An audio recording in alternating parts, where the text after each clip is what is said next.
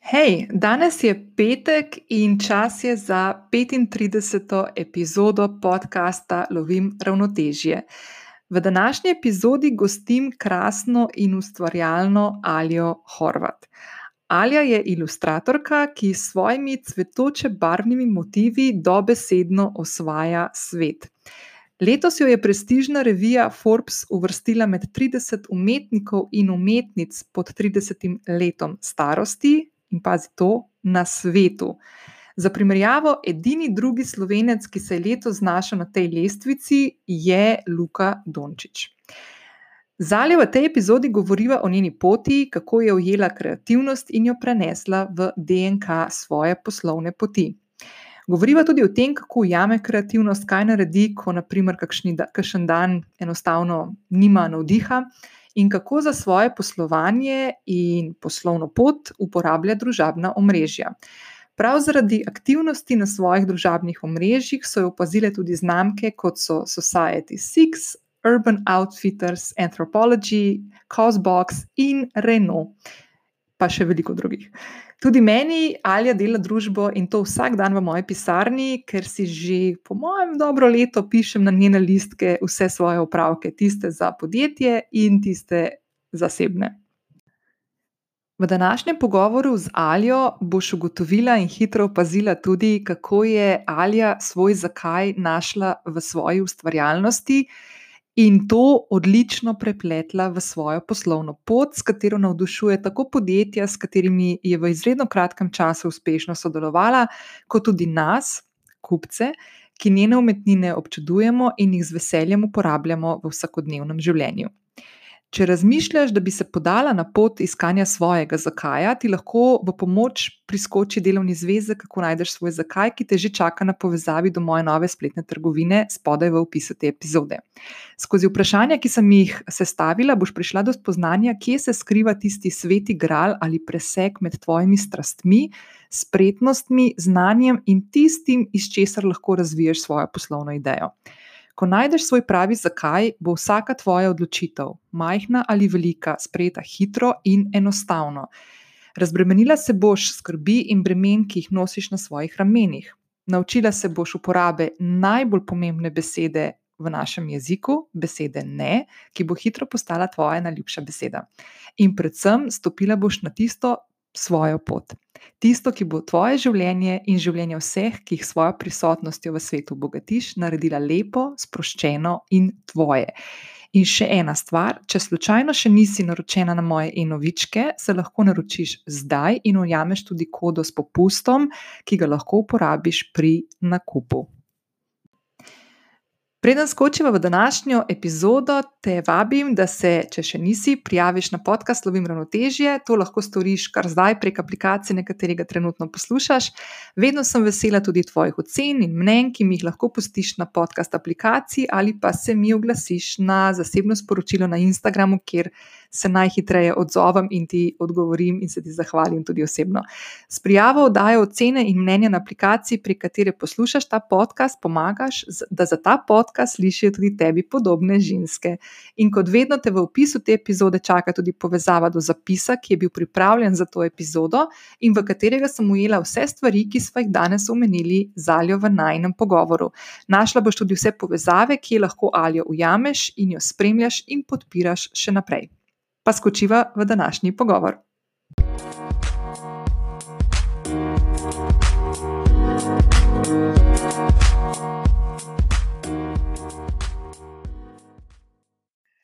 Čau, Alija, kako si? Super, pa ti Nina. Super. Ej, dobro, dobro. Tako malo dež danes v Ljubljani, uh, tako malo jesensko vreme na pol. Uh, v pižami sedim v svoji pisarni domači uh, in se zdaj uh, veselim pogovora s tabo. Ja, pri nas je tudi dež, sploh nisem pričakovala. Um, samo da razliko od tebe, jaz več nisem v pižami, ker sem mislila, da bomo snemali video in sem fuh hitro zajtrk pojedla, da sem se pravočasno uredila, ampak očitno ne bo nič tega. ne, ok, ampak se ti imaš danes še verjetno kakšne upravke, ki bi dve zelo kar zgodaj zjutraj že snemava in si že pripravljena potem na nove zmage. Ja, to pa je res, ja, to pa res. Ja. no, Zdaj, glede na to, da se mi zdaj slišiva, uh, kaj še jutro. Uh, pa če te vprašam, kako si danes, pa najlepša stvar, ki se ti je danes zgodila, bom rekla tako, da je reči ne danes, ampak naprimer v tem tednu. Kaj je še taka stvar, ki se, se ti je tako zgodila in ti je tako ful, ful, si bila vesela. Hmm, sama da pomislim, kaj je bilo takega. Pa ful takih malih stvari je, za katere sem vesela. Tak vsak dan se nekaj tako lepega zgodi, naprimer, ne vem, da grem čez vikend z psičko kam ali pa uh, da malo v trgovini točno to, kar iščem, tako ful hitro sem zadovoljna. tako da ni bilo nič kaj takega. No. Pa se to je ful fajn, ne? ker nekateri ljudje smo se mogli, jaz vem za sebe, že pred leti malo učiti na novo tega, da si zadovoljen s tistimi mehkimi stvarmi, ki te razveselijo in si potem hvaležen za to. Ne? Tako da, če ti to že zdaj tako opaziš, se meni zdi to ful dobro. Ja, mislim, tako ful nezahtevna sem. No. mislim, da pri veselju sem ful nezahtevna, ko pa gre nekaj slabega, pa, pa pač me vse iztira vrženo. Tako da ja. Aha, ok. A to tako uh, že odnegdaj ali to zdaj opažaš? Uh, pa ne, veš, jaz si naredim tako v glavi deset različnih scenarijev in pol je tako devet negativnih, pa en pozitiven. Pač tak sem. Se ponavadi se potem zgodijo pozitivne stvari, samo pač vedno pač se pripravim, kaj če se bo zgodilo najslabše, pač in se ful preveč obremenjujem s tem. In bolje, itak se vredo na koncu. Ej, to, to mene ful na sebe spominja, ker jaz že kot PR-ovka malo imam to kontrol frikovsko, frikovsko uh, situacijo pri sebi že od karakterju, pa sem se mogla s tem malo upravljati v življenju, pa pa še kot PR-ovka moram vedno pač tako razmišljati o vseh možnih scenarijih, od A do Ž, pa vse vmes in isto katino. In pa se tako zgodi una črka, ki ni v naši abecedi, ponavadi ali pa kaj tako. tako da, ja, ja. To zna biti tako, kar malo, včasih malo naporno. Ja. Ampak vse se to naučiš, veš, uh, spustiš pa malo, po mojem, to malo tudi z leti pride. Ko ti si še mlada, pa boš se to še vse naučila. Tako da, tako da, dobro. Ok, Alja, um, eno vprašanje. Kdo, dej, tako za naše poslušalke, sicer težko verjamem, da, da te ne bi poznale, ne? Um, ampak če tako poveš, kdo si. Um, pa tako malo poveš o svoji poti do danes, kako si v bistvu prišla do.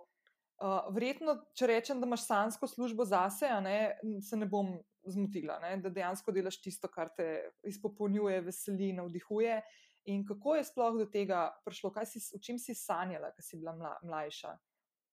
Um, pa ja, no, ok, torej malo o meni. Um, sem Alja in ilustriram. Um, Pač v bistvu že od malega sem pol rada risala. Pač res sem skozi risala, pa, pa v vrtu, pa v osnovni šoli pri likovni. In potem sem v bistvu začela obiskovati srednjo šolo za oblikovanje. In um, pač nekako si najstnik, te pač zanima še samo druženje s prijatelji, pa potem pač nekaj narediš za šolo in pač tisti neki hobi ponavadi nekako pustiš zraven, pač za zraven. Pač na nas se več temu tako posvečaš. In čez celo srednjo šolo v bistvu nisem nič kaj risala, čeprav sem hodila na oblikovalno, ampak je to res čisto. Pač na oblikovalni na to krišeš, kot smo se mi v bistvu ukvarjali z grafičnim oblikovanjem. Potem pa sem šla na naravoslovno-tehniško fakulteto v Ljubljani, tudi grafično oblikovanje in sem nekako začela pogrešati v bistvu risanje z roko. Pač, ker v bistvu mi smo delali vse na računalniku in sem pač začela risati na zdaj. In, um, ker sem pač od vedno že bila tako malo bolj podjetniška. um, sem pač bila tako, zakaj pa pač ne bi jaz iz tega mojega hobija pač probala kaj zaslužiti. Pač mislim, se mi ni zdelo nič narobe in ja, zdaj smo tu, kjer smo. Ampak, ko rečeš, da si bila vedno podjetniška, kaj to pomeni? Kako, kje si se to že začutila, naprimer v svojem življenju, da imaš to žilico, da prepoznaš neke priložnosti v okolju? Pač nikoli si nisem predstavljala, da bi v bistvu delala za nekoga. Pač moče se to zasliši, moče tako malo čudno, ampak um, nikoli si nisem predstavljala, da bi mi nekdo vsak dan govoril, kaj točno moram narediti, pa um, kdaj točno moram to narediti. Um, pa tudi mislim, da imamo družinsko podjetje, tako da sem že bila malo v tono. Uh, Aha, ampak, da, odraščala ob tem, ne si gledala svoje starše in, ja. in to blizu. Ne? Ja, pa tudi za prijateljico vem, da smo, ko smo bili fulmali, še v vrtu tako limonado prodali. Pa, pač vse smo prodali. Zdaj, ko se spomnim, smo tako se ni čudno, da noben to ni kupil. To smo mi zdaj kar z garaže nekaj našli, pa smo prodali tam na stojnici. V, v naši ulici. Pač to je zelo dobro, to še nisem slišala. Pri nas to v Ameriki otroci skozi delajo, ker to je v bistvu tako prvi stik z nekim ja. občutkom, kako je, da zaslužiš de denar. Ne? Dejansko se moraš potruditi in nekaj narediti, da, da, da, da ti nekdo plača. Ne? Uh, pa ni sam izdelek, kot je limonada, tudi kako si karizmatičen, kako pristopiš, kako se pogovarjaš. Veš, kaj sem se zdaj spomnila? Jaz sem bila stara 12 let, ko smo se preselili iz Ljubljane na obalo in se spomnim, da prvo poletje, ko smo bili na obali, smo šli sosedo takrat, no, mislim, da je bilo maja ime uh, dol na eno od um, uh, klopc na promenadi Portoroški in smo školke prodajali. ni bilo, ni bilo nič tako, nič ne uh, se ni zgodilo. Da, ja. Ampak to si me zdaj spomnila, če sem pozabila na to. Da, ne, se mi dve tudi nismo nič kaj prodali, pač očitno ljudje še niso bili pripravljeni na te podvige, no. ampak mi smo pa bile ful, pač ful samozavestni, kaj se bomo prodali, ampak se ni, ni se tako tak dobro išlo. No. ampak to je meni ful dobro, da si ti v bistvu, uh, ful mi je všeč to, da si da, da dejansko to svojo ljubezen do ustvarjanja, v tvojem primeru do uh, uh, ilustriranja, uh, pa z roko, ne, da, da ti v bistvu to že od malih nog nekako tako veliko pomeni in da, da si se s tem če sem prav razumela, skozi ukvarjala. Tudi pol, ko si bila kljub temu v šoli, pa to mal, ali, ali sem razumela, da si da je malo zamrla v tistih najstniških letih. Mislim, da v tistih najstniških letih je malo zamrla, ampak res vsake tok mhm. časa sem še kaj narisala, ampak pač ne tako, da bi zdaj vsak teden ali vsak dan nekaj risala. Tako pač malo po malo. No. In potem, ko si bila na fakulteti, in to, kdaj, kdaj si začela, pa si že zaključila fakulteto, ko si začela razmišljati o tem, da bi iz tega naredila neko podjetniško zgodbo? Kako se je sploh zgodilo to, da se je tvoja, um, tvoja ljubezen do ilustriranja uh, razvila dejansko danes v osebno blagovno znamko, ki jo vsi, ki praktično te spremljamo ali pa zasledimo, predvsem na Instagramu, ki je tvoje najbolj močno, um, mo, tak močen kanal, uh, na katerem predstavljaš svoje delo in sebe. Um, kako je do tega prišlo, kako, mislim, kako si ta preskok naredila in uh, se začela res tem bolj resno podjetniško ukvarjati? Um, jaz sem začela, mislim, da risa tam v drugem letniku faksa. Uh, ampak, kome, ko sem bila absolventka, sem v bistvu odprla SP, ker bi se kome takrat se vse to začela. Jaz sem bila tam drugi, pa tretji letnik, sem jaz bila risala za sebe, pa sem ne vem, objavljala na Instagramu. Pa se je v bistvu nekako vse to poklopilo, da Takrat pa sem postala absolventka, malo zatem sem v bistvu pač odprla svoj SP in pač nadaljevala um, podjetniško pot. Um, tako da, ja, v bistvu že med študijem se spomnim, tak, da sem včasih prišla iz faksa domov, pa sem naredila kaj za šolo, kaj bilo treba, pa, pa sem kar tako išla risati, ker mi je bilo res. On, ono kot otrok sem bila, ker sem bila tako ful vesela, da lahko rišem. Pač res ono isto, kot da imaš likovno v šoli, pa tako me čakaš, da boš imel likovno, nekako tako sem se počutila. Tako res je bilo ful, ful, super. Ej, to mi je ful dobro, dve, dve, dve vprašanje se mi zdaj pojavita. Mhm. Koliko časa nazaj si odprla SP? Koliko je zdaj? Uh, Samo malo. Mm, jaz sem ga odprla novembra 2018. Torej, malo manj kot dve leti. okay. no, to mi je ful dobr podatek. Ja. Zato, da po pokažemo, kako v bistvu se lahko določene stvari hitro začnejo odvijati. Ja. Okay. Ja. Pa, pa to mi je ful všeč, ker si rekel, da si bila tako vesela, ker si prišla, najbrž si bila utrujena, pa si prišla s faksa domov in v bistvu je. Risanje je tisto, ki te, kljub temu, da si utrujena, ne, te v bistvu napolni z energijo in mal, kot da bi malo zaživelo. V bistvu je kot neka, ja. a, a, če rečeš, da je kot neka meditacija. A se ja, a, bi lahko, ja. ne, ne bi lahko bilo nekako tako. Pač ono, ko si, kako me čakaš, da lahko nekaj delaš, to je skoraj isto kot. Ne vem, si nekje, pa veš, da si doma, da bo neki paket, katerega si ful čakal, pa ko me čakaš, da prideš domov, da ga odpreš. Pač nekako tako sem se počutila. Sam verjetno, da ko ti koriščeš, ne je ta razpon, ko se tako počutiš, daljši kot takrat, ko čakaš kakšen paket, da ga odpreš, ki tisti, ki ja. ti zadovoljijo, ko pol ful hitro mine. Da, hitro mine, ja. Ja, ja, ja. Tako da to, da najdeš nekaj tazga, da padeš tako v bistvu nek tak flow, da kar mal pozabiš na čas, ne, uh, je meni tako uh, ful, ful dober. Um, Ful dobro, če najdeš tako stvar. In ponovadi take stvari pridejo iz tega, ko delaš strastjo tisto, kar dejansko delaš. Dejansko prihaja iz tebe noter neka stvar, ki te žene, ki te navdihuje, ki te spodbuja, veseli in tako naprej. Ja, ja, itak, ja. Mislim, ja, pač full fajn je, če najdeš nekaj takega, kar res rad delaš. Um, pač navadi si ljudje mislijo, da če nekaj ful radi delaš, pa že to ni. Um, kaj, ne vem, kako kak se naj točno izrazim, ampak da to pač ne more biti služba, pač, ker ponavadi ljudje hobija ne povezujejo z službo. Ampak v bistvu sploh ni tako. No. Pač jaz mislim, da če ti pač uspe in pač da če vztrajaš, res to ful, ful super, ker jaz se res dejansko noben dan ne počutim, kot da delam. Mislim, vsake tok časa se malo, ne vem. Ne vem, gre kaj na robe, pa sem tako joj, zakaj gre to na robe. In prosto tako spomnim, pač, kako bi se počutila, če bi zdaj mogla, ne vem, 8 ur sedeti v neki pisarni pa nekaj delati. In prosto sem takoj ful boljše volje. Pač, takoj se ful boljše počutim, pač, da dejansko delam to, pač, kar si dejansko želim. No. E, sem, to, ful, uh, to imamo res mi tako malo percepcijo uh, o tem, da, da to, kar si rekla, ja, da če delaš neko stvar strastno, pa je v bistvu. Ali pa da, ja, da iz hobija, kako koli rečeš, no, razviješ neko podjetniško zgodbo, da to mogoče ni čistko ta zaresna podjetniška zgodba, pa dejansko to res, kot si rekla, ni res. Ne.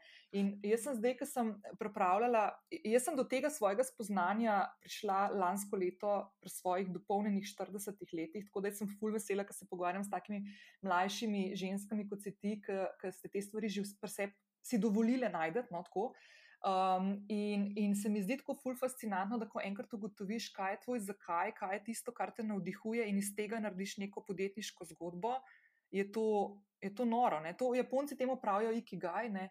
pa že kitajski filozof Konfucij je rekel, da če delaš tisto, kar imaš rad, ne boš delal en, niti en dan v življenju. Ne?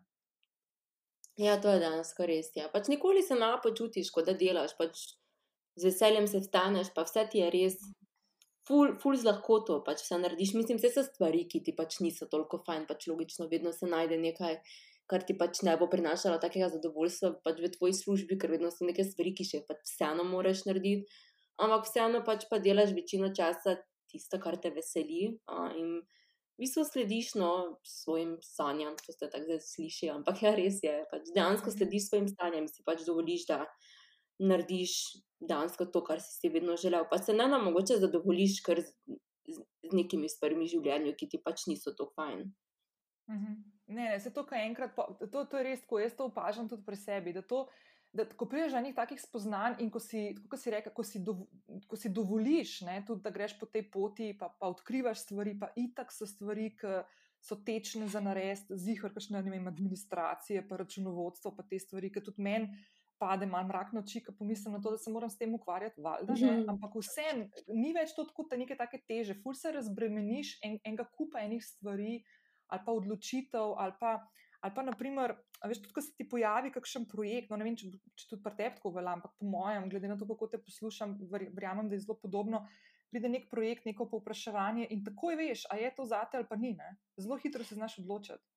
Ja, ja, res je. Ja. Um, mislim pač na začetku nekako začneš svojo pot. Mislim, vsaj jasno, ko sem začela, pa ko sem dobila kakšno ponudbo na začetku, pač ti, ti si v tistem časovnem obdobju, še, ko pač dejansko moraš sprejeti tudi neka dela, katera ti pač niso najbolj fajn, že z tem razlogom, ker pač moraš nekaj zaslužiti.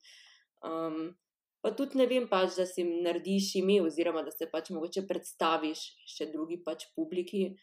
Ampak, ko pač prideš do neke točke, ko pa lahko izbiraš projekte, pa mislim, da je zelo pomembno katere projekte izbiraš in da dejansko delaš tiste projekte, katere te veselijo. Ker vem, da sem včasih recimo sprejela kakšen projekt, ko mi ni bil najbolj fajn in sem bolj full, full z neko muko včasih delala, sem pa tak joj, pač samo da naredim.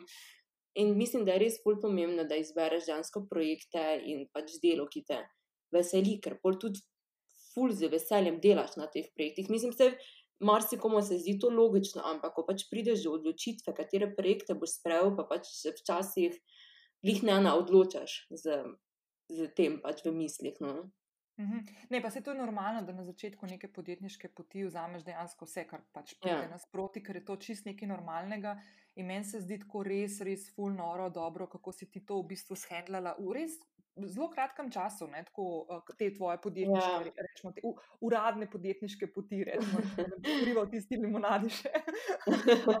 se mi zdi to ful, ful dobro. In, in ja, um, jaz sem tudi imela to, ne, a veš, delati s kakšnimi naročniki, ki sem že v samem začetku, ko smo se dogovorili za sodelovanje, vedela, da se bom ful mučila, zato ker ali, ne, ali nisem verjela čisto to zgodbo, ali je bilo nekaj, kar me je kljuvalo od ozadja, pa mi je govorilo, to ne bo ok, to ne bo ok. In greš prek sebe, in vsakič znova se ti pokaže, da je bila tvoja intuicija in vsi oni alarmi, ki so se ti prižigali, so bili res pravi in jih ne poslušaš.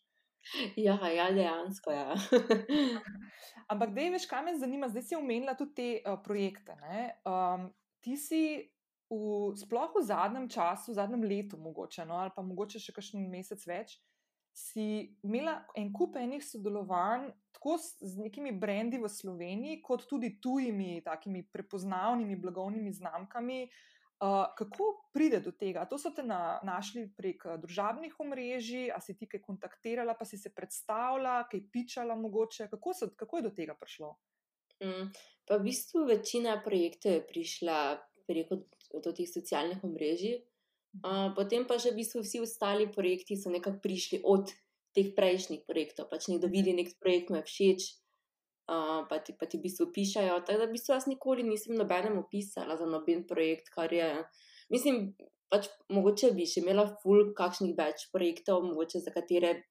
Ne vem, včasih si recimo želiš kakšen projekt, Uh, pa bi moče bilo fajn, da napišeš, čeprav sem že ugotovila, imam, to se moče zdaj malo čudno slišati, ampak tako včasih si. Vem, da recimo za antropologijo, ko sem zdaj delala to modno kolekcijo, sem eno leto nazaj videla, da je ena druga ilustratorka v bistvu za njih naredila to modno kolekcijo. In sem pa tako, jo, jaz bi tudi ful naredila to, pa ful mi je bilo všeč, pa sem pa tako, ful bi bilo fajn, če me, če me antropologi povabi. In tako pol leta kasneje sem me poklicala. Teda, mhm. včasih si kar prikličem, se mi zdi nekaj sodelovanja. Tak. Si manifestiraš malo. Ja, ne, ja, pač mogoče se bo zdaj res komu tako malo čudno slišalo, ampak dejansko večina projektov, na katerih sem delala, so se pač zgodila tako, da sem si jaz nekaj zaželela, pa se to bolj slučajno zgodilo. Ampak ja, mislim pa. Sorry, ja, kar povej. Ne, ne, kar povej, se ni bilo nič takega, bom pol povedala. Ti bi rekla na začetku, da ne smem skakati do vsega. ne, ne, veš kaj, ampak to meni ni čudno. Jaz, tudi ne vem, jaz se tudi ne spomnim, kdaj sem um, na zadnje uh, kakšen projekt ali pa kakšno, kakšno stvar sama pičala. Pa v bistvu, jaz sem tako rekla, v mojem primeru um, imam malo srečo, da tudi mene najdejo za te stvari na mojem področju, ki jih jaz delam, pa svetujem. Pa moram reči, da se vsakeč znova tako malo vprašam, mogoče bi bilo pa fino, da tudi jaz sem malo bolj aktivna. Ne? Ker se mi zdi vsem, da ko padeš v neko tako cono obdobja, zna biti mogoče včasih malo nevarno. Ne? Čeprav tle pretep, ne, mislim, Dajmo biti iskreni. Ne? Jaz, na primer, delam na slovenskem trgu in sem vezana na slovenski trg tudi zaradi uh, svojega dela, osnovnega, ki ga ja. upravljam, zato ker poznam to okolje in bom težko se predstavljala v kakšno drugo državo in nekomu svetovala, ker bo že jezik drug, pa medijski trg je čist drugačen. Ne? Ampak ti imaš pa, na primer, storitev, ki jo upravljaš, uh, če rečemo temu storitev. No? Je pa nima meja, ne? dejansko nima meja, imaš tle trg full velik in to, da te pridejo take blagovne znamke kot je Society Six, pa Anthropology, ki si rekla, uh, yeah. pa ja. konc koncev Renault, ne? regijski, a veš, uh, yeah. Ja. se mi zdi to čist noro, tako da, ja, v bistvu si delala. Nore stvari si že delal, da je mogoče tako malo povej, kje se že v bistvu tvoje ilustracije vse nahajajo. To meni čisto noro. No? Um, hm, samo da vidimo, kje bomo začeli. uh, hm.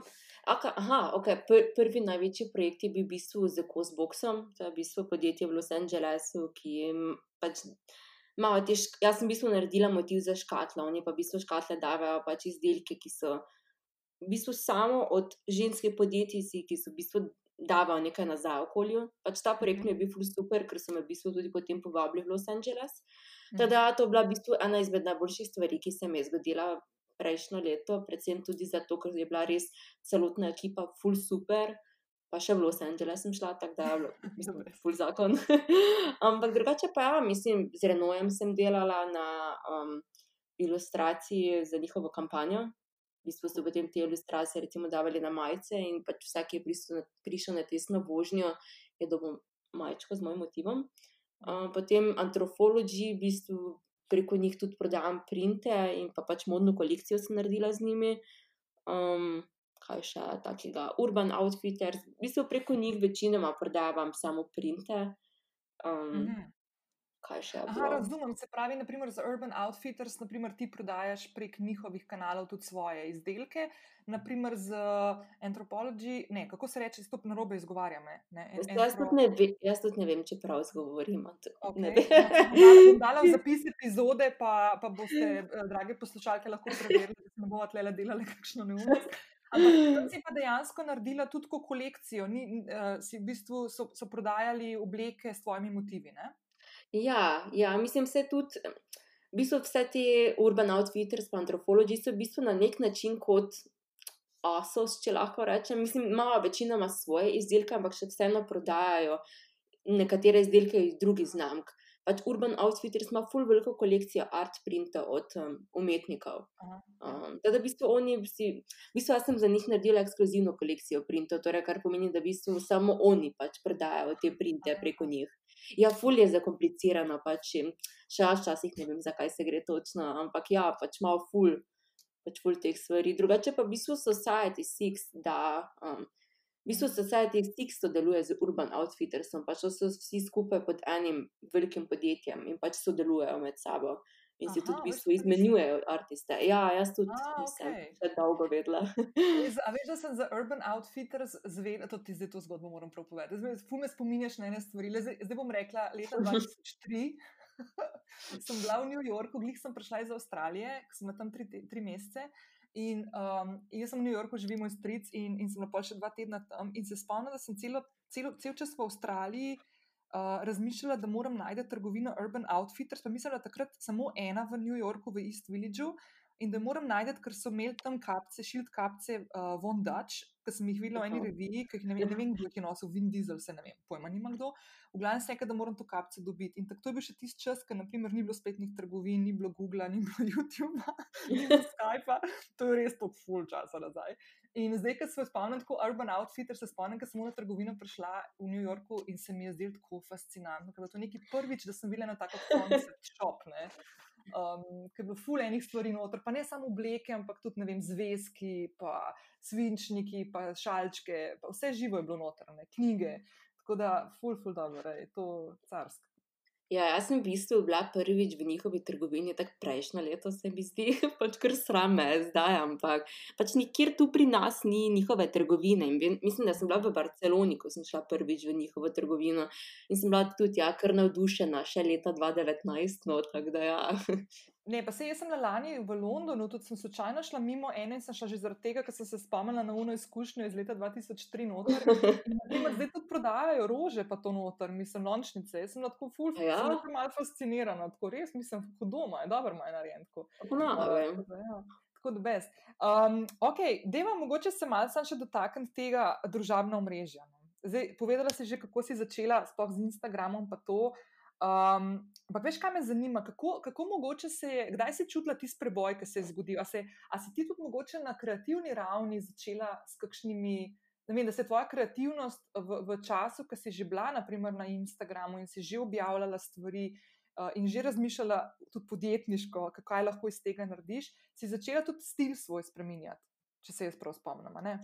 Je pa v bistvu tako bilo, da jaz, ko sem začela na Instagramu objavljati, sem se še v bistvu ful iskala. Jaz sem začela z temi vzorci, pa z rožami, pa s tem in sem v bistvu to večinoma delala. In potem sem nekako začela ženske risati. Ampak takrat, če to ni bilo toliko popularno, pa še takrat so v bistvu vsi rože, pa take stvari risali, pa te bananine liste, pa pač take stvari. Potem nekako sem začela te svoje ženske risati, se je zgodil ta preboj. Pač predvidevam, da ljudem bilo všeč, pa nekaj novega, pa so mi zaradi tega začeli slediti. Ker takrat tega res ni še bilo tako dosti. No. Takrat je bilo res bolj teh vzorcev z rožicami, pa take stvari so se prej bolj no, nekako delala. In potem, v bistvu, ko sem nekako odkrila svoj stil, se je pač tudi moj Instagram. Um, Ne vem, odprl, ne vem, kako naj rečem. pač ja. ja. Se pravi, če tako rečemo zdaj, da v bistvu takrat, ko si ti pri sebi začutila, kaj je tisto, kar želiš delati, in si v bistvu res dala na plan, ne, se ne da prej nisi, ne, ampak tako, da si res začela to upeljevati, tudi pa objavljati, takrat se je zgodil ta preboj, ker ljudje začutijo to energijo, ki prihaja in, in dejansko začnejo se odzivati na to na drugačen način. Ne. Eni pravijo temu avtentičnost, pa ne da prej nisi bil mm -hmm. avtentičen, ampak mogoče narediš neko tako res si ti, ne, res drugačen si. Ne, izstopiš iz nekega, iz nekega polja, um, ki ga poznaš, pa spremljaš lahko kakšne podobne motive, naprimer tudi druge, ampak pa, pa stopiš ven in si drugačen in se ljudje na to odzovejo. Ah, itak, ja, pa tudi mislim, sam čutiš, da ti to dosti bolj leži, pač ne znamo pisati, ampak pač tisti občutek je pravi, ko pač rišeš nekaj, kar ti je dejansko um, blizu, se ful drugače počutiš kot pa druga. Pač sam veš, no, da je to prav, kaj delaš. No. Uh, in mislim, da tudi pač ljudje drugi čutijo, da to tvojo avtentičnost, tako si rekla. Ja. Ne, se, se mi zdi, da ko začneš enkrat uh, pri sebi iskati tisto, kaj tebe veseli, in se ne fokusiraš. Meni se zdi, da se največji preboj, kot jaz govorim tudi za sebe, zgodi takrat, ko sem v bistvu se nehala Čeprav sem imela občutek, da se ne obremenjujem s tem, kaj drugi vidijo pri meni, ali pa kaj jaz nekaj objavim, pa koliko ljudi se odzove na kakšno objavo. Ko sem te stvari spustila, je dejansko se začela komunikacija ful bolj odvijati in so se začeli, uh, naprimer, tudi moje sledilke bistveno bolj odzivati na stvari, ki jih dajem ven, ki prihajajo iz mene kot neke misli, spoznanja, izkušnje in tako naprej, za katere verjamem, naprimer v mojem primeru, da lahko še komu koristijo. Ne? Tako da, ja. Ah, ja, itak, ja, mislim, tudi jaz sama to opažam. Mi, mislim, ful, lah, ful hitro lahko zabradeš v to, um, pač v bistvu, koliko gledaš, koliko ti bo v bistvu katera objava prinesla, ne vem, lajkov, pa engagementa. In ko se nek, enkrat naučiš to nekako spustiti, uh, pa začneš delati to, kar je tebi, fajn se tudi ti ful boljše počutiš in tudi tvoji sledilci pač se dosti bolj odzivajo na te objave. Mm. Uh, mislim, je pa itak, pač, tako jaz sama opažam pri ilustraciji. Pač za neki določen trend v Instagramu ilustraciji, ki ga pač vsi delajo. In če pač v bistvu delaš to, pa, mislim, imaš v bistvu načrt, da imaš full hitro, full dosti followerjev, ampak pač jaz ne razumem, zakaj bi delala to, če to nisem jaz, med neko dosti ljudi pač dejansko dela to samo zaradi tega, pač, da bo dobil publiko. Ampak kaj ti to pomaga, če pač nisi pristen? Pa kaj ti to pomaga, če še 20 ilustratorjev dela iste stvari kot ti, pač nima smisla, no, vsaj v poslovnem vidiku se meni zdi. Ja, to je tisto, kar v bistvu, če razmišljaš malo bolj dolgoročno, ne, um, ja. če hočeš neke zdrave temelje postaviti, je full fine, da izhajajo res iz tistega tvojega primarnega občutja, kaj hočeš ti početi zdaj lahko rečemo temu tvoj zakaj, tvoje poslanstvo, nameni, ki ga je karkoli. Ampak če to znaš preplesti z svojim znanjem, pa strast, strastjo in konc koncev s tem, da je neko povpraševanje na trgu po teh stvarih. Pol je to winning combination. Ne? In vse ostale stvari se mi zdijo tako zelo hipne, pa instant in hitro zamrejo. In te ljudje, ki na tak način funkcionirajo, ful energije zgubljajo, ker se morajo skozi prilagajati teh novim stvarem, ker se skozi ukvarjajo s tem, kaj od zunaj prihaja in narekuje, da morajo početi. Točno to, ti to ful boljše poveš z besedami, kot jaz, ampak točno to se misli. Ja. pač ja, da, da slediš nekim trendom in poli pač moš bistvo skozi spremenjati, ker trendi se itak spremenjajo. Ne? Ampak pač, če želiš pa nekaj za dolgi rok ustvariti, pa v bistvu moraš delati na sebi, pa moraš izhajati iz sebe, pa, pa delati to, kar je tebi. Kul, cool, pa kaj je tebi všeč, ne, ne pa to, kaj je Instagramu všeč, v bistvu nima smisla. No? Mhm, valjda, valjda.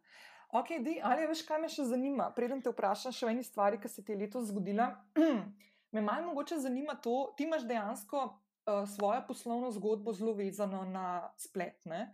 In uh, ogromno stvari, uh, imaš tudi spletno trgovino, vse stvari, ki, pa, zdaj, ki smo jih že našteli, ti kolaboracije, ki jih imaš, pa to se v bistvu so se, odvi, so se zgodili in odvijali uh, prek spleta, oziroma si, si se dogovorila za te stvari in potem so šli v produkcijo in tako naprej. Ampak veliko stvari bazira dejansko na spletni trgovini, kar pomeni, da v tem letu, ko smo se srečali z eno tako krasno situacijo, ki nas je vse malo uh, uh, šejkala. Uh, kaj, kaj, a si ti prišla do kakšnega takega spoznanja, kljub temu, da si mogoče bila malo bolj, rečemo temu, pač, da ne bo grdo se to zdaj slišati, da, da, da, ni, da ni tako občutljiva, rečemo, svo, svojo podjetniško zgodbo, kot naprimer nekdo, ki je imel restauracijo ali pa lokal ali pa fitness center ali pa ne vem, je hodil v službo. Uh, pa smo bili pač doma. Kako, kako si ti to dojemala, to čas samoizolacije, in ali si prišla do kakšnih spoznanj, ali si imela tako business as usual, si enak delala, si, si, si imela full velik projektov in tako naprej? Pa v bistvu res ja. Uh, mislim, jaz v bistvu nisem prvo kot prvo občutila, da je kaj drugače, ampak pač iz tega vidika, ker itak skozi delam doma. Da, že v bistvu to mi ni bilo tuje, ker pač ljudje so mogli priti, so pač v bistvu zdaj delali v doma in to verjamem, da je bilo mnogim ljudem pač nekaj čist, čist novega, pač jaz sem to fulno navajena, jaz si tako skozi delamo doma. Ampak drugače pa mislim, spletna prodaja sem opazila, da se tudi recimo, ko prodajam prek ostalih kanalov, ne vem, Society Six pa mhm. Urban Outfitter, se ful povečalo. No? Um, mhm. pač, ker ljudje niso mogli iti ven pa kupovati, predvsem američani, pač oni še zdaj so v bistvu v tem enem velikem balu. Um, oni še zdaj ne morejo dejansko ven, pa mhm. normalno nakupovati. Medtem ko pač mi smo že, mislim, pri nas že življenje dokaj normalno teče. No? Uh, drugače pa mislim, da so se projekti malo ustavili. Mislim, da dejansko podjetje še premišljujejo, kaj bodo dejansko, pa kakšna bo prihodnost. In vem, da sem imela par projektov v, v popraševanju, ali kako naj rečem, preden se je korona zgodila in zdaj se je v bistvu vse nekako ustavilo. In očitno ljudje, ne vem, mogoče malo čakajo, da vidijo, kaj se bo zgodilo in pač kako bomo v bistvu delovali naprej. No. Ampak, ful sem bila v dobri poziciji, ker večino mojega um, posla dansko deluje preko spleta. Um, pač sploh se ne znam predstavljati, da si, dansko, da, da, da si v tej situaciji pač vezan na mhm. fizično prodajno ali pa kaj, mislim, grozno bi bilo, verjetno. Mhm. Um, A pa si bila ti tako v tem času, ko smo bili doma, tudi pri nas, ko smo se mogli bolj kaj ne zadržati, vsaj v bližini doma. No? A si mm. imel še občutek, da je mogoče vsem tako zaradi neke take kolektivne dinamike, uh, da je mogoče kaj vplivalo na tebe v smislu, ne vem, veš, kaj jaz tudi, na primer, od doma delam in jaz vem, da mene, mene cela rutina moja padla, še zdaj se nisem vrnila čisto nazaj. Pa, pa, naprimer, sem tudi jaz od doma delala, pa, pa, pa, pa konec koncev sem bila ena od tistih, ki smo bili najmanj prizadeti v tem smislu, da bi se mogla na neki na novo navajati. Ne. Plus, da sama živim, da nimam nekih distrakcij, distrakcij ki so jih imeli kakšni, ki so imeli otroke doma, pa cele družine. Ampak jaz, naprimer, sem, sem imela vsaj v začetku, mene je fulto prizadel. A ti si tako kaj začutila, naprimer, da nisi mogla, ne vem, da nisi imela nekega navdiha ali pa kar koli takega, ali se ti zdi, da, tako, da, bilo, da, da ti je prav prišlo v bistvu, ali pa da si imela mir ali kako koli. No? Mm, pa jaz sem že drugače. Mislim, da sem družabna oseba, ampak nisem zdaj tisto, da bi mogla vsak dan iti z nekom ven ali pa kaj. Tako da mi je bilo v bistvu dokaj normalno. Pač jaz imam par prijateljev, s katerimi se pač vidim tedensko, ali pa mogoče večkrat na teden. Pač to je edino, pač bilo, ne vem, kakšen mesec, dva, se nismo nič kaj videli. Za starših sem se v bistvu slišala samo preko telefona. Um, Vsake tok časa sem si pač psičko prišla sposoditi. Um, Da ni bilo nič kaj takno, ja, sem kar dobro prenesla, se mi zdi. Nisem bila ustvarjalna, pa to, ko si, si imela ful ustvarjalne trenutke, ni bilo tako, da te zdaj kar tako, kar ojoj, zdaj pa tako čudna situacija, pa nisi imela več tazga. Uh, pa mislim, vsake toliko časa se mi to zgodi, da, nič, da nimam nekega navdiha. Um, tako da sem že kar navajena. pač vsake toliko časa pač pride neki taki čas, pač ko ti ni do ničesar, naprimer. in pač traja to, ne vem, par dni ali pa en dan, en teden, pa je vedno boljše. No? Um, pač vedno gledam ful pozitivno, če se mi zgodi taka kakšna stvar. In če recimo nimam navdiha, pač kar ne vem, gledam, ne vem, The Office, zdaj, naprimer, gledam serijo pač pogledam par delov in pol sem tak, takoj boljše volje. In enkrat pač pride. Mislim, da ne moreš biti za ne vem kako dolgo časa, pač totalno brez volje. Mislim, pač lahko si, ja, ampak pač, pač mislim, da se vedno lahko nekaj, tak, nekaj dobrega zgodi iz tega. Pač mogoče si vzameš malo več časa za sebe, pa malo manj delaš, kar tudi, tudi ni nič slabega, ker sem opazila, da vsi mi samostojni podjetniki, pa freelanceri, se zelo težko ločimo od svojega dela. Da, da vsake tok časa pride v bistvu prav to, da nimaš navdiha, pa da se pač malo odklopiš od vsega. Ej, to sem te hotel vprašati, da je eno od vprašanj, kaj narediš, ko ugotoviš, da, da, si, da, da nimaš navdiha, da ne veš, da ti ne teče čopič po platnu ali pa neki. Prav to sem te hotel vprašati, kako s tem uh, uh, korigiraš in mi je ful dobro, kar si povedala, ker dejansko se mi zdi, da tako ljudje se fulno zavedamo, da Jaz sem, ta, um, jaz sem to predstavljanje, ta um, procrastination, kako rečejo američani. Ja. Jaz sem to ful dobro v tem in sem imela vedno ful dobro, ker sem predstavljala stvari, da, je, da bom danes, ne da se mi ne. Jaz znam biti izrazito len človek ali pa izrazito produktiven, pa tam vmes imam, imam malo težave, ne, ne znam biti nekje vmes. In, in se mi zdi, da sem prišla do nekega spoznanja, da v bistvu to, da si dovoliš umiriti, uh, in da si dovoliš, mogoče celo priti do stopnje, ki ti rata dolg čas, so stvari, ki dejansko ti. Um, takrat se ponavadi najboljše ideje zgodijo. Ne? Uh, ja, sam sebe ja. poslušaš. In sem bral eno knjigo, to ti bom tudi, um, tudi priporočam, da jo prebereš, Untamed od uh, Glennon Doyle. Ona noter napiše, kako pomembno je, da je tudi otrokom dolg čas. Zato, ker zdaj, ko imajo vsi telefon ali pa Netflix ali pa neki neki, ne, uh, da je to enih distrakcij, da nikoli nisi umirjen s svojimi mislimi in da zaradi tega prihaja generacija, ki ne bo nikoli naprimer, prijela za čopič, pa postala ilustrator, ali pa ne bo nikoli obula super, paratala, naprimer, full dobro tekač ali pa neki neki. Zato, ker pač nimajo časa, da bi sploh se poglobili v to, ja. kaj bi lahko bilo tisto, kar jih veseli. Ne? Je to pa full res, mislim, jaz sem še odrasla v tisti generaciji, glih pred.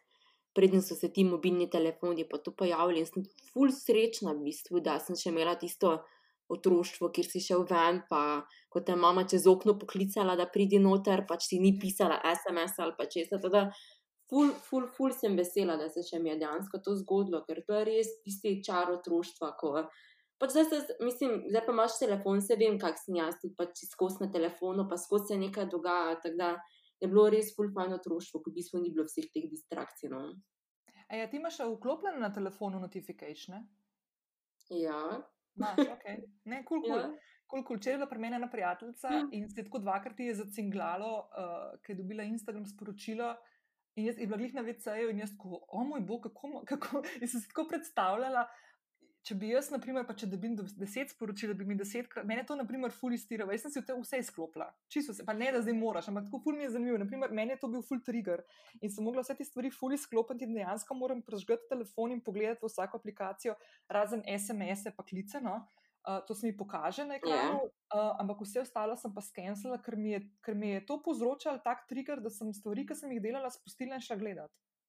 Ja, jaz sem ista, jaz bi si tudi mogla sklopiti. Jaz niti kosila ne morem miro več pojesti, ker pač skozi se nekaj dogaja. Pa sem tako, jo, zdaj sem neki mail dobila in pol moram nujno ta mail pogledati. Pač to moram jaz tudi sklopiti nujno. Ja. Ja, ja. Se to je postopek, veš. Pa ne, da le se, če ti je kul, cool, če ti to sede, pa te to ne, naprimer, ne vrže z tistega tira, po katerem pač, ali pa nekega flova, v katerem si polni panike. Ampak jaz vem, presep, meni men to je bilo čist konc. Jaz sem mogla to narediti, ker drugače nisem, nisem mogla delati stvari, ki so me čakale, ali pa, ali pa si vzeti čas razmisliti. No. Ne se mene pol vrže stira, samo sem preveč lena, da bi si to izklopila. Mislim, da pač nisem še prišla do tega, da bi si izklopila. Ampak me, me pol moti, zaradi tega, ker ne vem, delam nekaj in pol se nekaj zgodi na telefonu in je tisto na telefonu, mogoče čisto malo bolj pomembno od tistega, kaj delam in pol se spustim in pol delam 50 stvari naenkrat. Pač, mhm mogla bi si izklopiti sleko. Prej, mislim, na Messengeru sem si že izklopila. In bolj tako včasih. Pač čisto pozabim, da si izklopim, in pol mi tako nekdo piše, pol komaj čez pet ur vidim, pa sem tako, oj, oj, pač nič nisem pogledala, pač ker pozabim, da sem si izklopila dejansko. Aha, ne, to sem, ej, jaz sem imela isto, ali jaz sem imela isto, in pa se je zgodilo na enem trenutku isto, ker sem bila vedno tako, takoj sem odgovorila. Zdaj sem začela pa kar malo na trenutke uživati pri tem, da, da, da ne odgovorim kakšen dan, kakšno stvar. Ja. In ja. je tako pravno, odgovorim si. Pa ni nobene panike, vse se pa ljudje navadijo, veš. Ampak tako, ja. veš, smešno. Ja. Ej, veš, kaj sem te, ok, okay ne morem jim tega, to se, pa, to se pa meni zdi tako fajn, uh, tako sem bila ponosna da sem slovenka. A zdaj pa to slovenka boš rekla. Ja, veš, kaj bom rekla. Le, ne, morem brez, ne morem tega ne omeniti, ker se mi je tako ful, se mi je fajn zdel, ker sem videla tole novico, da si se uvrstila na seznam uh, prestižne revije Forbes 30 under 30 na področju umetnosti. Pa me sam zanima, kako si za to zvedla, pa kaj se ti v glavi je zgodilo, ko si za to zvedla? Um, hm. Pa v bistvu, jaz sem dobila en mail od Forbesa. Um, v bistvu vsi, ki smo bili v ožjem izboru, v bistvu je bil še en pred tem izborom, pred to lestvico, kjer si v ožjem izboru, pač predvidevam, da smo vsi, ki smo bili v ožjem izboru, dobili en vprašalnik, pač, uh -huh. ki ga naj pač rešimo. In vem, da je bil tak datum, ne vem, rešiti ga morate do, zdaj bom si izmislila, 23. junija. In jaz odprem ta vprašalnik in pač tako ena stran vprašalnika je bila in tako ful vprašanja, pa si mogel ne vem, kaj vse napisati, ne vem, um, naprimer nekaj o sebi, pa zakaj misliš, da bi si to nagrado zaslužil itd. In jaz itak si to vse pripravim, pa sem pa tako bom, bo, ne bom zdaj odgovorila, bom pač počakala do ne vem. Ne do 23., ampak do 22. zvečer, tako moče se še kaj spomnim. Ne? In jaz to tako vse lepo napišem, te lepo tam vse vnesem, noter in pač dam pošljene. Da kar jaz ugotovim, da to ni edina stran, ki jo moram rešiti, in še bo tako deset drugih stvari. Joj. In pa sploh ni več, sploh ni pisalo spodaj, pač ne vem, ena od deset, ne. Sem pač pošlji, pisala smo tako, kot verjetno to, to pač, ker je bilo kar dosti in pol je bilo tako še deset strani. In bolj sem še tisto ob 12. zvečer reševala. ja, se mislim, da je samo ena stran, pa sem si tako lepo pripravila vse v toti beli, beležnici na računalniku. Pa sem bila tako, da bom samo vnesla tako par minut pred polnočjo. Ampak hvala Bogu, sem si en dan še dodatno zraven vzela, ker drugače je bilo kar grozno to vse v parih minutah rešiti. Ampak ja, pač to smo dobili, uh, potem to v bistvu rešiš. Um, potem je tako bilo na internetu objavljeno, da bo lestvica objavljena, uh, ne vem, rečemo 17. aprila. In v bistvu ti do 17. aprila, dokler na lestvice odpreš, sploh ne veš, da si na lestvici, pač ne na te obvestijo, pač izbrani ste. Um, pač odpreš lestvice in pač vidiš, če si pač slučajno gori. In ja, um, sem slučajno videla mojo sliko, Tako da, ja, ja sem bila, ker sem bila ful vesela. Ej, to je bilo noro. V bistvu sta, če, če se, če upam, da se ne bom zdaj zmotila, ampak v letošnjem letu sta bila na Forbesovli lestvici sicer v ločenih kategorijah, tipa Luka Dončiča ne, iz Slovenije. Ja, ja, res, ja, res je. Mislim, pa dobro, zdaj, če, če naprimer kakšna poslušalka ne ve, kaj je Forbes, no, pač Forbes je res taka eh, prestižna revija, ki sicer je podjetniška revija, rečemo temu, no, ki v bistvu predstavlja. Mm, Um, uspešne podjetniške zgodbe z celega sveta. No? In prideti na globalna, ameriška revija, globalna revija, prideti noter je res neka taka, mislim, to je res častno. Tako, ne pride kar vsak noter. Tako da jaz vem, da če bi kakšen moj naročnik, naprimer, dobil od Forbesa e-mail, kot si ga ti, po mojem, bi jaz mal stola padla, no? čisto iskreno. Tako da, ja, pa ful bi se tresla, ker bi bil vprašalnik izpolnjeval. ne, ful dobro. Tako da jaz ti res še enkrat, evo, še enkrat ti ful čestitam, ker se mi zdi tako amazing, da, da si se in tako za čist zasluženo. In ful mi je fajn, kako samo inicijativno ena taka velika uh, inštitucija, kot je Forbes, uh, opazi človeka, kot je Alja Horvat, um, ilustratorka. Mi je tako full amazing, no? tako da full, full fine. Ful, ful, hvala. Jaz sem bila res ful vesela, ko sem to zjutraj videla. Pač tak, jaz se vedno ful hitro zbudim in pol še tako preživim pa ure na telefonu. In se spomnim, da sem videla in sem kar fanta zbudila. Pač. Vikova na Forbesu lestvici sem, pa tako mislim, da se ni preveč zavedal tam o pol sedmi zjutraj, kaj mu točno govorim. No. Ampak ja, mislim, pač ponavadi je tako, da preden se ti te stvari zgodijo, se ti vse te stvari zdijo ful velike. Pol se tebi to enkrat zgodi, pa si tak, no, vse moče pa ni pač tak. Ogromno mm. dosežek. To tako pač mislim, da zdaj vem, da je, ampak tako se jaz pač počutim pri vsem, kaj imam. Pač, tak, sem tako, aha, ok, se ni tako.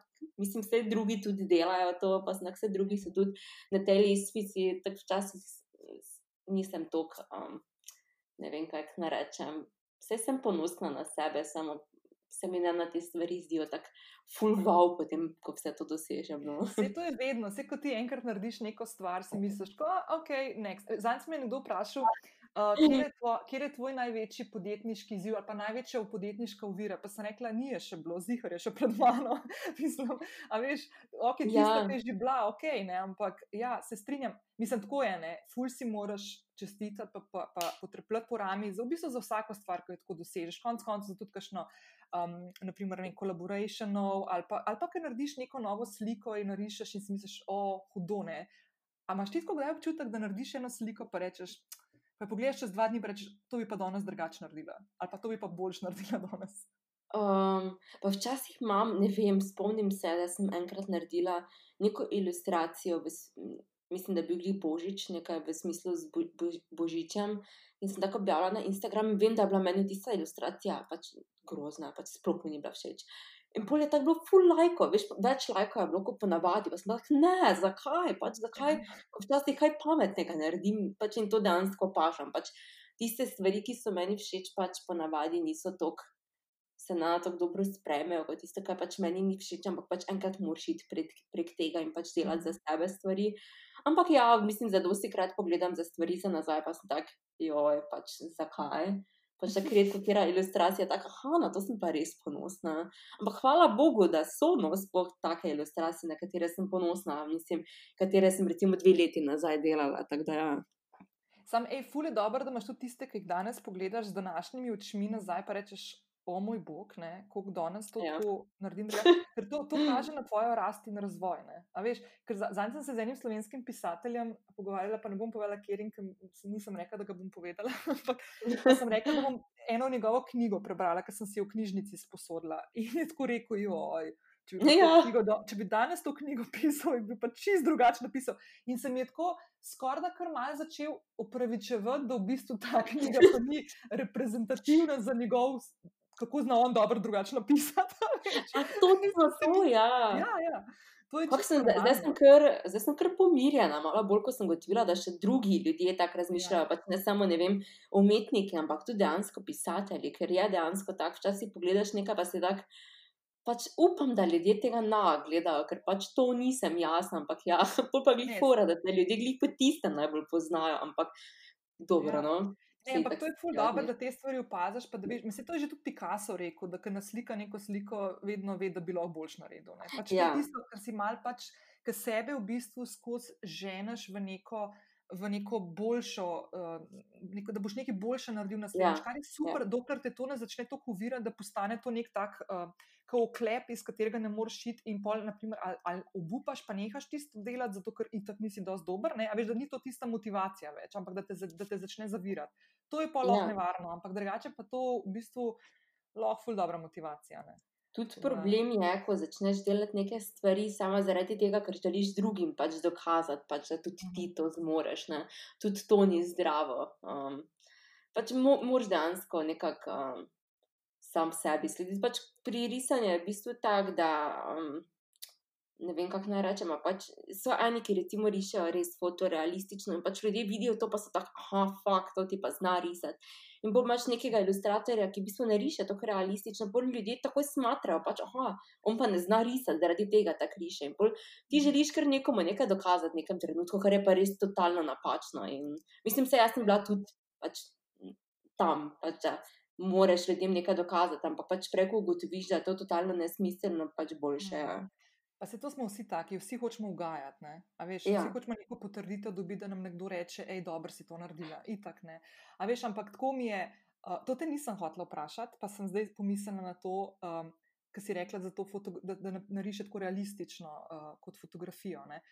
Ja. Aj, kjer je pa kakšen tvoj slikar najljubši? Mislim, se mm. najbrž jih imaš šest milijonov, ne? ampak tako, ne vem, top tri, whatever. Um.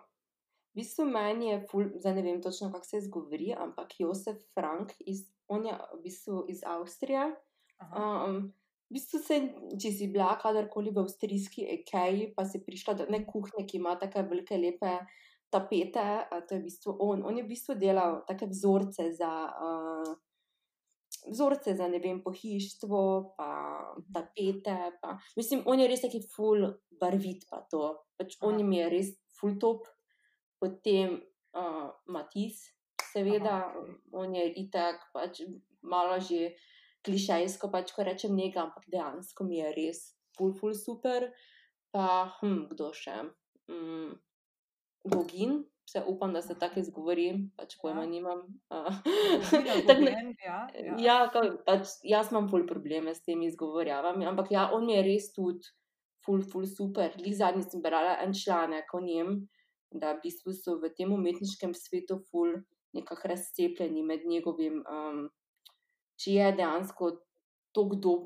Zdaj sem nam znala, kako se, kak je že tisto, ko umreš, pa nekaj zapotiš, zapustiš. Um, zapuščina, mislim, dediščina. Ja, kao za njegovo zapuščino. Pač umetniški svet je razdvojen med tem, kaj je v bistvu, kakšna je njegova umetniška zapuščina. Ker uh -huh. pač nekateri mislim, pač nekateri niso tako prepričani v njega, pač pa v bistvu v to, kaj je slikal, se mi ne zdi toliko. Zdaj se nam znala vredno izraziti, ker se jaz slabo izražam z besedami, zato tudi slikam. Ampak ja, mislim, oni te štekam. ja, tako da, ja, ampak Josef Frank mi je, mislim, res top. Ana, on je res full, full zakon. Pa vse te, veš, te velike umetniki vedno pridejo z neko tako konzervativnostjo, pa polarnostjo, a veš, in nekako razdvojijo tiste kritike ali pa občinstvo med tiste, ki jih totalno občutijo. Ja, ne evo. morejo nič narobe narediti, in med tiste, ki si mislijo, seriously, ne. Ampak, ja, veš, kaj Vidiš, kako ti gledam? najlepše poveš, to, kar jaz želim povedati, in bolj ti to poveš tako dve stavki, ful profesionalno. Tak. Ja, Ampak jaz Noro. meni daš, da meni čopič roke, pa boš videla, kaj se bo zgodilo. Tako. Ampak ej, jaz, ko gledam zdaj le pred sabo v pisarni, imam uh, eno tako razglednico, ki sem jo kupila, uh, mislim, da lani v Benetkah na Bienalu. Uh, ampak drugače pa, od, meni je Jackson Pollock, naprimer, en Ah, tak, ja. ki mi je tako čist nor. In jaz, ko sem v Londonu živela, sem živela zelo blizu uh, Tate Modern galerije. In sem šla sigurno enkrat na teden, hvala Bogu, da so brezplačne, večinoma galerije, te državne v Angliji. Sem šla skoraj vsak teden pogledat uh, dve sliki, v bistvu. Vsakič sem šla samo dve sliki noter pogledat. In Aha. to je bil, ena je bil Jackson Pollock, in ta druga je bil uh, Lucio Fontana, ki je pa argentinsko-italijanski slikar. On je pa v bistvu tako delal, da je platno pobarval z eno barvo, pa je pa z nožem delal reze. Se po mojem si je videla to že. Ja, Tako ja, poznam je. tako. In, in vedno je dal, da, ve, da veš, da je originalna njegova slika, je vedno na zadnjo stran platna nalepu naslovnico italijanskega časopisa La Repubblica, ki je bila tisti dan, ko, to, ko je ta kanvas pripravljal. Ful dobro. Ja. Ej, deva še to, to te moram še malo vprašati, teh malo osebnih stvari. Prej si razlagala, kako se zjutraj zgodaj zbudiš, pa me sam zanima. Uh, a imaš ti kakšno jutranjo rutino, tako, ki, jo, ki, ki jo počneš, uh, pa se ti je skazala, da je taka, da te tako pospremi v, v vsak dan tako na res dobrem, z dobrim nivojem energije? Mm, hm. um, mislim, joj, jaz imam ful slabo jutranjo rutino, zaradi tega, ker prvo kakšnih 30 minut preživim na telefonu, kar pač je. Pač ni kul, cool, ampak se nekako ne morem odvaditi. Tako da v bistvu v tistih 30 minutah pogledam že vse maile, kaj sem jih dobila, pa pač preberem novice, pa pogledam Instagram. um, potem pa itak zajtrk. Pač jaz nisem tisti človek, ki rabi kavo, ampak jaz rabim zajtrk, pač nujno hrana, da lahko sploh delujem. Tako vem, da včasih sedim za računalnikom in hočem pač nekaj delati. Jaz sem tako, joj, pač ne morem, dokler ne na nekaj pojem dejansko. Um, Tata zajtrk je res nujna Kaj pa stvar. ješ za zajtrk ponavadi? Um, pa imam jaz tako obdobje, ne, mislim, tak, ne? ja, ja taki, imam, ne vem, en mesec jajca, pa pol en Mhm. mesec tuno, pa pol en mesec čokoladne kroglice v mleku. Uh, uh, tudi čokolino imam ful rada. Uh, ampak ja, mislim, tako jajca, pa kruh, pa ne vem, mozzarella, to meni super. Um, tako ja, mislim, jajca so ful kul, cool, ker si jih lahko na ful različnih načinov narediš in boš se pač itak ful kasneje naveličeš, kot, neč, kot recimo nečesa drugega. Um, ampak ja, kava ni nujna, kava res ni nujna pri meni. Jaz ful nisem navajena na kavo. Vem pa, da če jo par dni zaporedoma pijem, ko je recimo pol četrt, četrti dan nam spila, me pol ful glava boli, tako da pol jo pa moram piti. Ej, jaz sem se ene tri leta nazaj uh, spravila, se nekaj, da pa to kave pijem, da, ali pa štiri mogoče, da bom nehala in, in nisem poštekala. Jaz sem bila dva, dva tedna full glavobole, depresija. Ja. depresija. Ojoj. Spati nisem mogla po noč, uh, čez dan sem bila itak čist konc, sem spala čez dan. In pa mi je en kolega reče tako. A ti si kavo nehala piti? Ja, ja, in ti ni potegnilo, da je to povezano. In Ja. dejansko sem imela abstinenčno krizo, sploh nisem štekala toliko časa. Tako, Ja, dejansko je tako. Ja. Pač, ko se telo na nekaj navadi, pa pač kar beg daš dejansko. Ej, a si probala mačo kdaj piti? Ja, to pa imam ful, ful, ful rada. Okay. Zdaj Veš, si, to ti pa ne tok, veš, to pa ni take panike. To je ful dobro nadomestek. Naprimer za kavo, če preveč pije, pa če hočeš nehati, pa da te ne, zab, da te ne dvigne energijo, tako kot ko spiješ uno fulu v nebesa, pa pol te zabije na tla, pa moraš spet spiti, ampak te tako počasi spušča, pa nisi odvisen od tega. Tu če nehaš. Ja. pol. pa tudi meni je mača ful boljša po okusu kot kava. tak, ne vem, bolje podobna nekemu. Kot ko kakav, samo pač da je zeleni kakav, pač vse tak si jaz predstavljam. Meni je ful dobra mača, res. Kava, meni, kava mora biti dansko prav nareta, da je meni dobra, ker posod, ko pijem, mi ni topno. Ja, valjda, se štekam. Ja. Ej, prej si, ko smo se pogovarjali, smo se malo pogovarjali o tem, kako si omenila, da kot podjetnik včasih tako malo zgubiš to, koliko časa delaš, pa to ne, um, pa te kar odnese, pa, pa tako ne. Um, kako pa, naprimer, ti, tudi si že malo govorila, da si v bistvu zameš čas, naprimer, da nimaš da imaš momente, ko nisi kreativna, pa ustvarjalna, pa si pač vzameš, pa ne vem, sto, skočiš na Netflix, pa gledaš The Office, pa ga binžaš. Ja, by the way, to počnem. Tako da ja, ampak imaš tako kakšno tako, kakšen način, kako se sprostiš, ali dejansko imaš tako že delo, ki ga upravljaš tako, kot ti daje, tako v bistvu sprosti to energijo, rečemo. Um, pa mene ful sprosti tak, ne vem, pogovor s kako prijateljico ali pa da grem kakšni prijateljici na kavo to mi je res, fu, to, to, to mi je kar tak, ful, ful, lažje se počutim, potem, ko pridem domov, to mi je, to mi je res ful super. Drugače pa tako, ja, gledanje serije dejansko me ful sprosti. To, veš, ono, da se nasmejim zraven, pač ne da imaš neko tako ful serijo, pre kateri moš razmišljati, ampak recimo tako The Office, pač tam, mhm. pač to je res ful sproščajoče. A to angliško verzijo ali ameriško gledate? Ne, uh, ameriško, ameriško Aha, gledam. Ja. Okay. Cool, cool. Ok, se pravi, ok, da bes. Pa, pa da mi še povej, um, kaj si rekla za serije. Kje serijo si ti še kul? Cool? Kje si mm, gledala, da tako se spomniš, pa si je čist da bes? Uh, The Lost mi je bila full super. Okay. Uh, kaj sem še gledala? Jo, pa to, to serij sem gledala, samo zdaj se pa ne spomnila, kaj sem gledala. Uh, okay. Um, kje so pa tebi super, da vidim, če si lahko kaj gledala? En je narod, na primer, ena od ja, ja. ja, ja, ja, ja, full zakon. Ja, to sem tudi gledala. Veš, kaj zdaj gledam na Netflixu? Uh, no, zdaj, ko bomo to, ko bojo poslušalke to poslušale, sem že vse pogledala, zihar, po mojem, bo to zaključila. uh, zdaj na Netflixu je ena danska serija Borgen, uh, ki oh. govori o uh, tole ena uh, premijejka, Danska, je pride na oblast in pol kaže ta zakulisne boje znotraj opozicije, koalicije, pa mediji so vpleti, vpleti noter, pa spin doktori, PR-ovci, pa to in je tako fulje zanimivo, no, kako to gledaš. Uh, tako, meni, meni so take stvari, na primer, fulje všeč. Uh, pa, pa veš, kaj sem gledala zdaj v zadnjem času, um, predvsem v luči tega Black Lives Matter, sem se hotela tako ful izobraziti. No? Uh, sem gledala, naprimer, okay, to sem že pred časom, mislim, da po zimi gledala tisto When They See Us um, serijo, ki je bila, pa zdaj sem gledala to uh, Dear White People.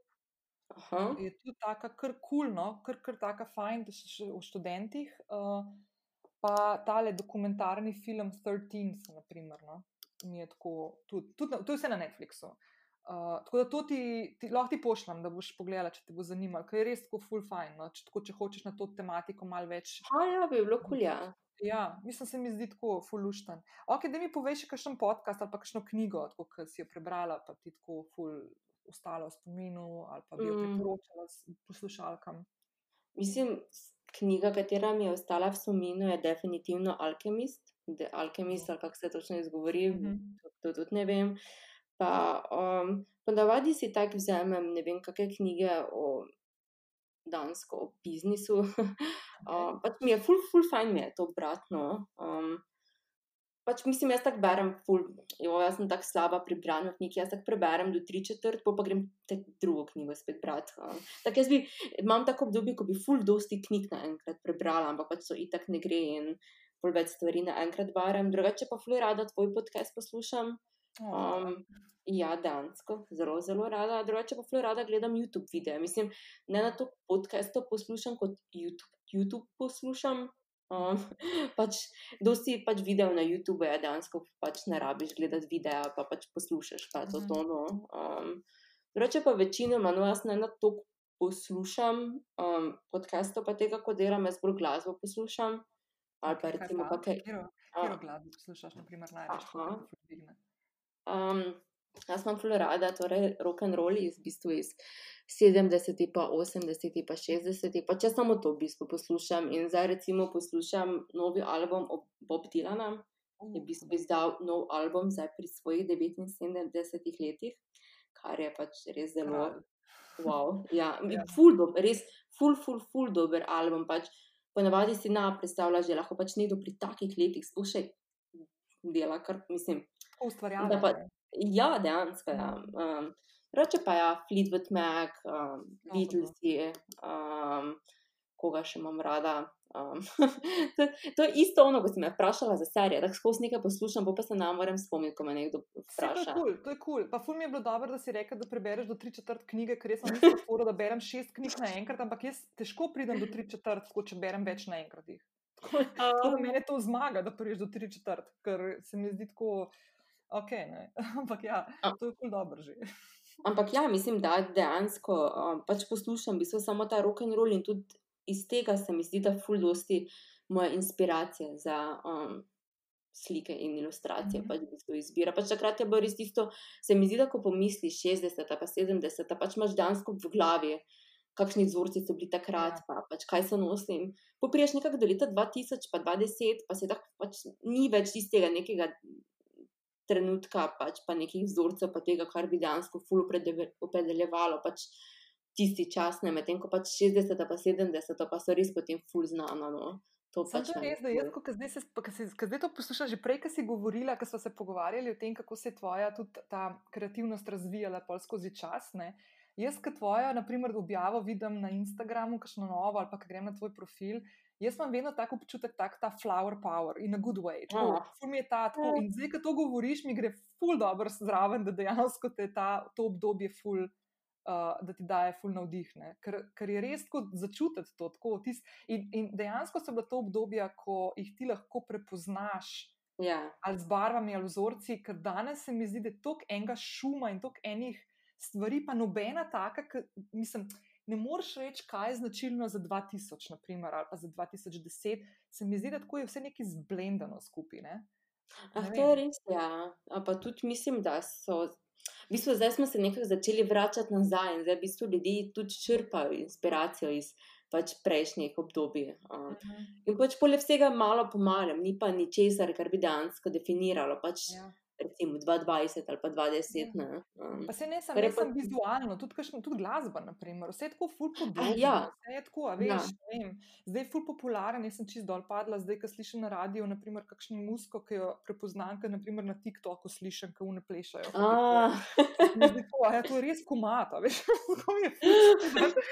Zanj sem na valu 202 zvečer, ko pržgala, ga sem na avtu, pa sem imela telefon nekje zadnji, ker informacije jaz vedno kakšen podcast pržgem, ko sem v avtu, pa se mi ni dal stegant nazaj nazaj. In tako poslušam, in je bil en komat iz TikToka, tako pa je bilo, da je 202 vrti.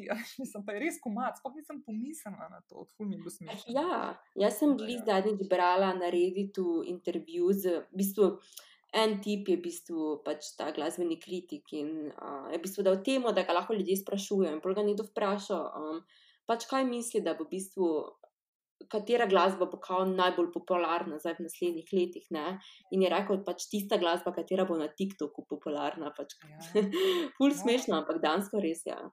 Jaz sem ti se zafrkala, še sem dala dva videa na TikTok svoj, ker sem si ga šla odpreti za foro, da vidim. In, ampak sem dala tako dva videa, uh, ki sem jih uploadala, se pravi, da nisem delala po tem pravilu, kaj, kaj ne bi se na TikToku delali. Aha, ja. Sem čist šok, ker je en skoraj pol milijona ogledov en ima čez 100 tisoč, kar nekaj ali pa. Je resno. Ja, pa v bistvu imam večino sledilcev iz Vietnama, Kambodže in Indonezije. Filipinov. Tako da, hej. Mi je smešen, res. To mi je bizarno, to mi je bizarno, da ti sploh ne znam povedati. Ne vem. Pač ta TikTok je res ja, nekaj posebnega, če lahko tako rečem.